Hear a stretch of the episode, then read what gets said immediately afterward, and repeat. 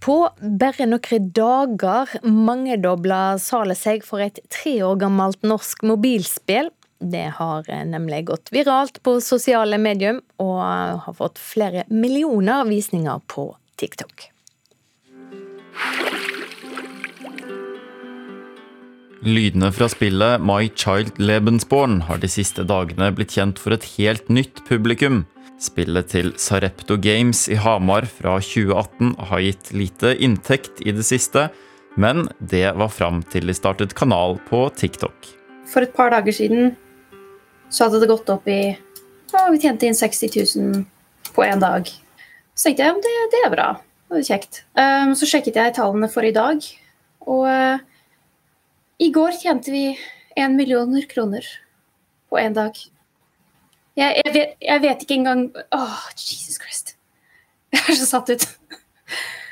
Grunnlegger Katarina Bøhler sier at 70 000 har kjøpt spillet daglig i det siste. Hun tror det var bra å unngå de vanlige TikTok-trendene. Så jeg tror det vi gjorde riktig, var å, var å, fokusere på det vi så at folk ønsket å snakke om allerede. Istedenfor å prøve å, å, å, følge det som er uh, veldig typisk eller trendy innenfor TikTok. da.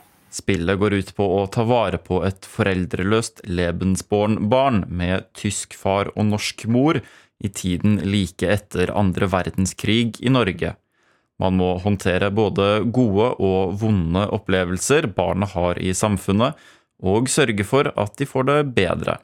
Anette Kalvik ved Høgskolen Kristiania ser også at selskapet lykkes med utradisjonelt TikTok-innhold kan eh, nå ut til fryktelig mange uten å ha følgere i det hele tatt. Og det er det som er så genialt her. Så hvis du har et bra produkt, sånn som her, og du har et godt budskap, eh, noe som griper folk, så kommer du rett ut til dem.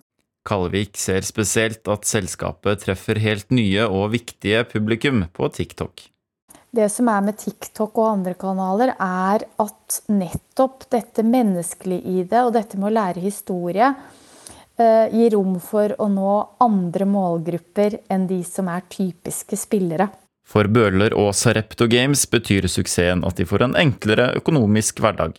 Altså det gjør jo at vi ikke trenger å hesitere når det kommer til å eh, ansette flere. Vi har jo drevet og jobba med ok, kanskje vi skal få ansette noen da, og så kan vi vente litt før vi får ansette en ny person, for vi må finne ut om vi har råd. Og nå kan vi jo egentlig bare sette oss ned og, og planlegge ansettelsene og, og, komme i gang med, eh, med et større team også. Reporter her Tarjei Mo Barthalden. Mange av oss har nok sett en del TV-serier det siste året. I ettermiddag blir det klart hva for TV-serier som blir nominerte til å få en Emmy-pris. Og med nå kritiker her i NRK, Sigurd Vik. God morgen. Hva venter du deg av eh, disse nominasjonene? Nei, altså Det er jo alltid spennende å se om uh, man har hatt god smak sjøl. Altså, er det egne favoritter som når opp? Men det er klart, uh, det er noen kategorier som er ekstra spennende. Det er bl.a. i miniseriekategorien så mange Der mista vi lyden på deg, eh, Sigurd. Skal se om kanskje vi kan gjøre noe med det. Da skal du være der, Sigurd. Jeg tror du må ta det en gang til. Det er veldig greit. Nei, Én ting er jo at man er spent på om egne favoritter slår til, og egen uh, seriesmak, selvfølgelig. Men eh, ekstra interessant i år er jo om det skal endelig bli Netflix sitt år. For det er jo ikke noe tvil om at HBO har hatt et veldig godt tak om Emmy-prisene i det siste. Så Netflix er en reell utfordrer der. Og i tillegg de nye strømmetjenestene da med Disney pluss og Apple pluss, som de kanskje kan hevde seg i år. Hvordan vil du si at pandemien har påvirka serie, serier og serieskapere som eh, t.d. Netflix og HBO? Eh, det er en del storserier som har blitt utsatt pga. pandemien, bl.a. Succession, som vant Emmy i fjor, og Better Call Saul, som er på vei med sin siste sesong, som skal da binde serien sammen med Breaking Bad. Men i motsetning til eh, filmbransjen, hvor kinoene har utsatt storfilmer som James Bond, Top Gun 2 og, og Dune, så har jo strømmetjenestene rulla godt under pandemien, og det har ikke vært noen grunn til å utsette titler som har ligget klar. Så, så relativt sett så har eh, TV-seriebransjen kommet ganske greit gjennom pandemien. Du, hvorfor er er med en viktig pris? Det er en eh, anerkjennelse selvfølgelig og en ære å vinne, og det er jo bransjen sjøl som, som, stemmer fram. Men i tillegg så er det en slags utjevner, fordi forhåndsomtale og kommersielt trykk og algoritmer er jo veldig mye med på å bestemme hvilke serier vi ender opp med å se. Og en sånn pris, hvor kvalitet da i hvert fall i utgangspunktet skal være avgjørende, vil jo være med å kanskje gi serier som ellers kanskje ikke hadde fått den oppmerksomheten, en sjanse til vår oppmerksomhet. Og så er det jo sånn at eh, nå har strømmetjenestelandskapet blitt en slags eh, strømmekrig. altså Amazon Amazon, Netflix, Disney, Apple. Det er store aktører som har hver sin strømmetjeneste. Og det her er jo abonnentstrømmetjenester, det er ikke reklamefinansiert eller serier som selges én etter én. Så da er jo det å få oppmerksomhet rundt kanalen eller strømmetjenesten veldig viktig. Og i så måte så er jo Emmy en av de tingene som er med at ja, vi sitter her og snakker om det på radio, og det skrives i media, og det gir da en ekstra dimensjon. Og ikke minst da hvis man får uh, det der kvalitetsstempelet som spesielt HBO har vært heldig å få da med, med sine Emmy-serier. Så, så gjør jo det at eh, de som er kvalitetsbevisst, kanskje velger strømmetjeneste ut fra Emmy-priser. Hva slags Emmy-kategorier er mest spennende, da?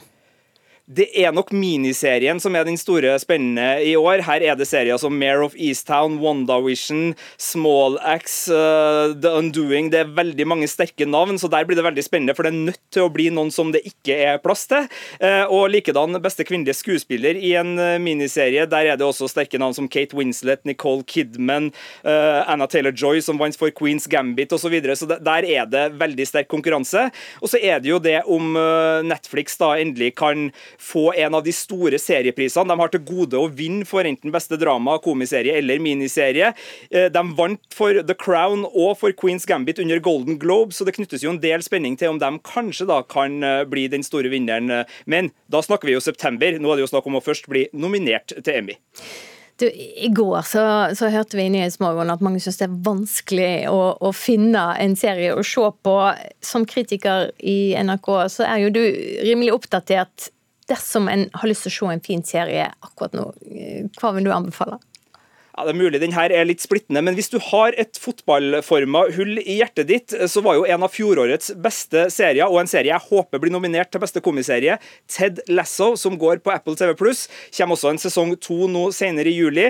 Det er en uh, Premier League-komedie, så hvis du er fotballei, styr unna. Men hvis du savner fotball nå etter EM, Ted Lasso. Takk skal du ha, Sigurd Vik. Og du kan eh, finne NRK sine kritikker på nrk.no anmeldelser. Du har nok helt sikkert eh, hørt om festivalen Woodstock, som eh, var i USA i 1969. Men nå skal du få høre et klipp fra dokumentaren om en annen stor festival som gikk før seg på samme tid. Welcome to the Harlem Culture Festival here in the heart of Harlem.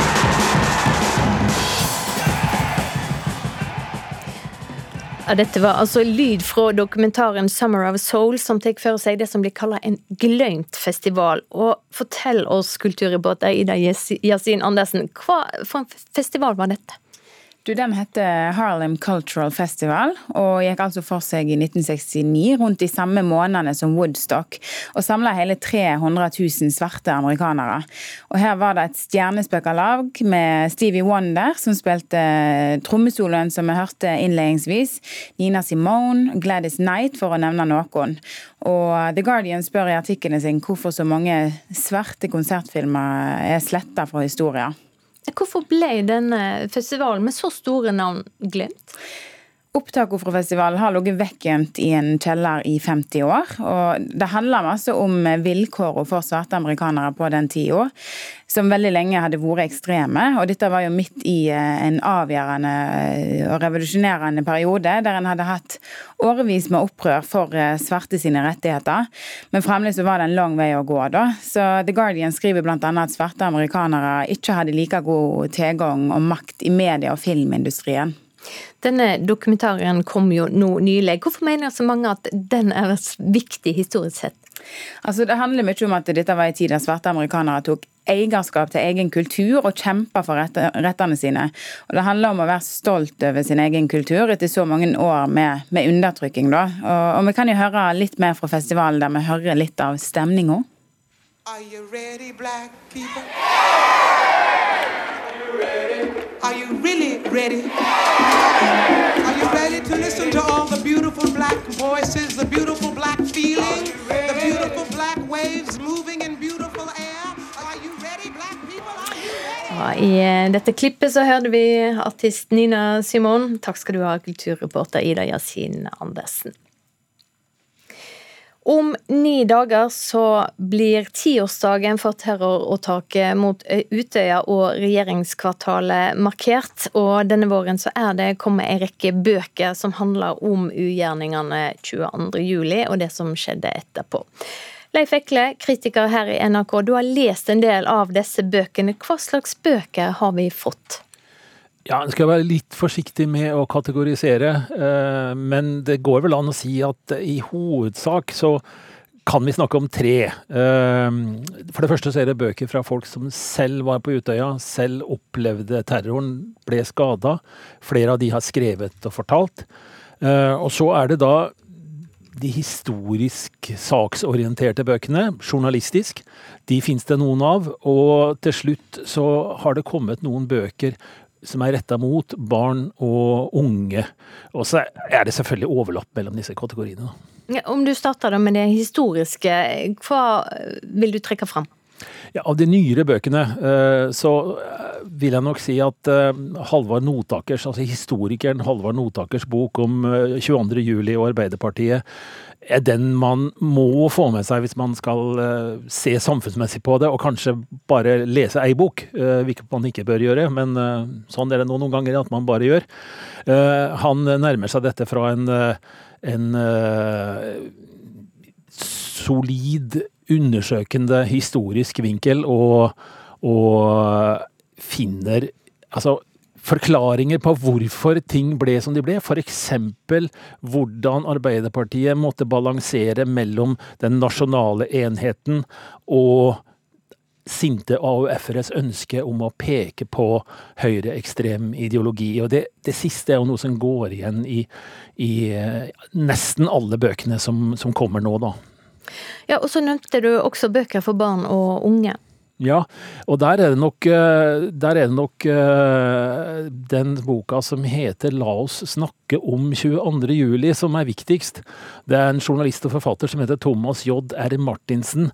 Gjennomførte et prosjekt som nok er ganske unikt. Uh, han satte seg i bilen og kjørte rundt til mange skoler i Norge. Snakka med barn i uh, 10-11-12-13-årsalderen kanskje.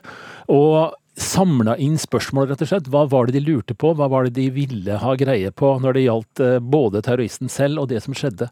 Så tok han altså med seg disse spørsmålene og, og, og la de fram for eh, ansvarlige og, og eksperter.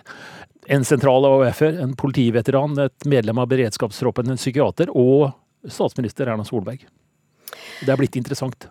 Og dette eh, høres òg ut til å være en bok som overlapper med fortellingene fra de overlevende. Hva vil du trekke fram der? Ja, eh, der er det nok eh, Tonje Brenna og hennes bok 22. juli og alle dagene etterpå som faller først frem i hodet. Hun var generalsekretær i AUF da dette skjedde. Og var på Utøya. Flykta og kom seg på sett og vis unna. Nå er hun jobber hun i Viken eh, fylke som, eh, som koordinator. Og boka hennes er nettopp prega av dette underliggende sinnet mot de høyreekstreme ideologiene vi ser få vokse frem, samtidig som hun kritiserer den berøringsangsten hun mener både Arbeiderpartiet og samfunnet ellers har hatt i møte med disse ideologiene, og det som faktisk var årsaken. At det faktisk var et angrep på sosialdemokratiet. Takk skal du ha, Leif Ekle. Og på nrk.no så kan du finne presentasjoner av i alt 13 bøker om 22. Eh, juli.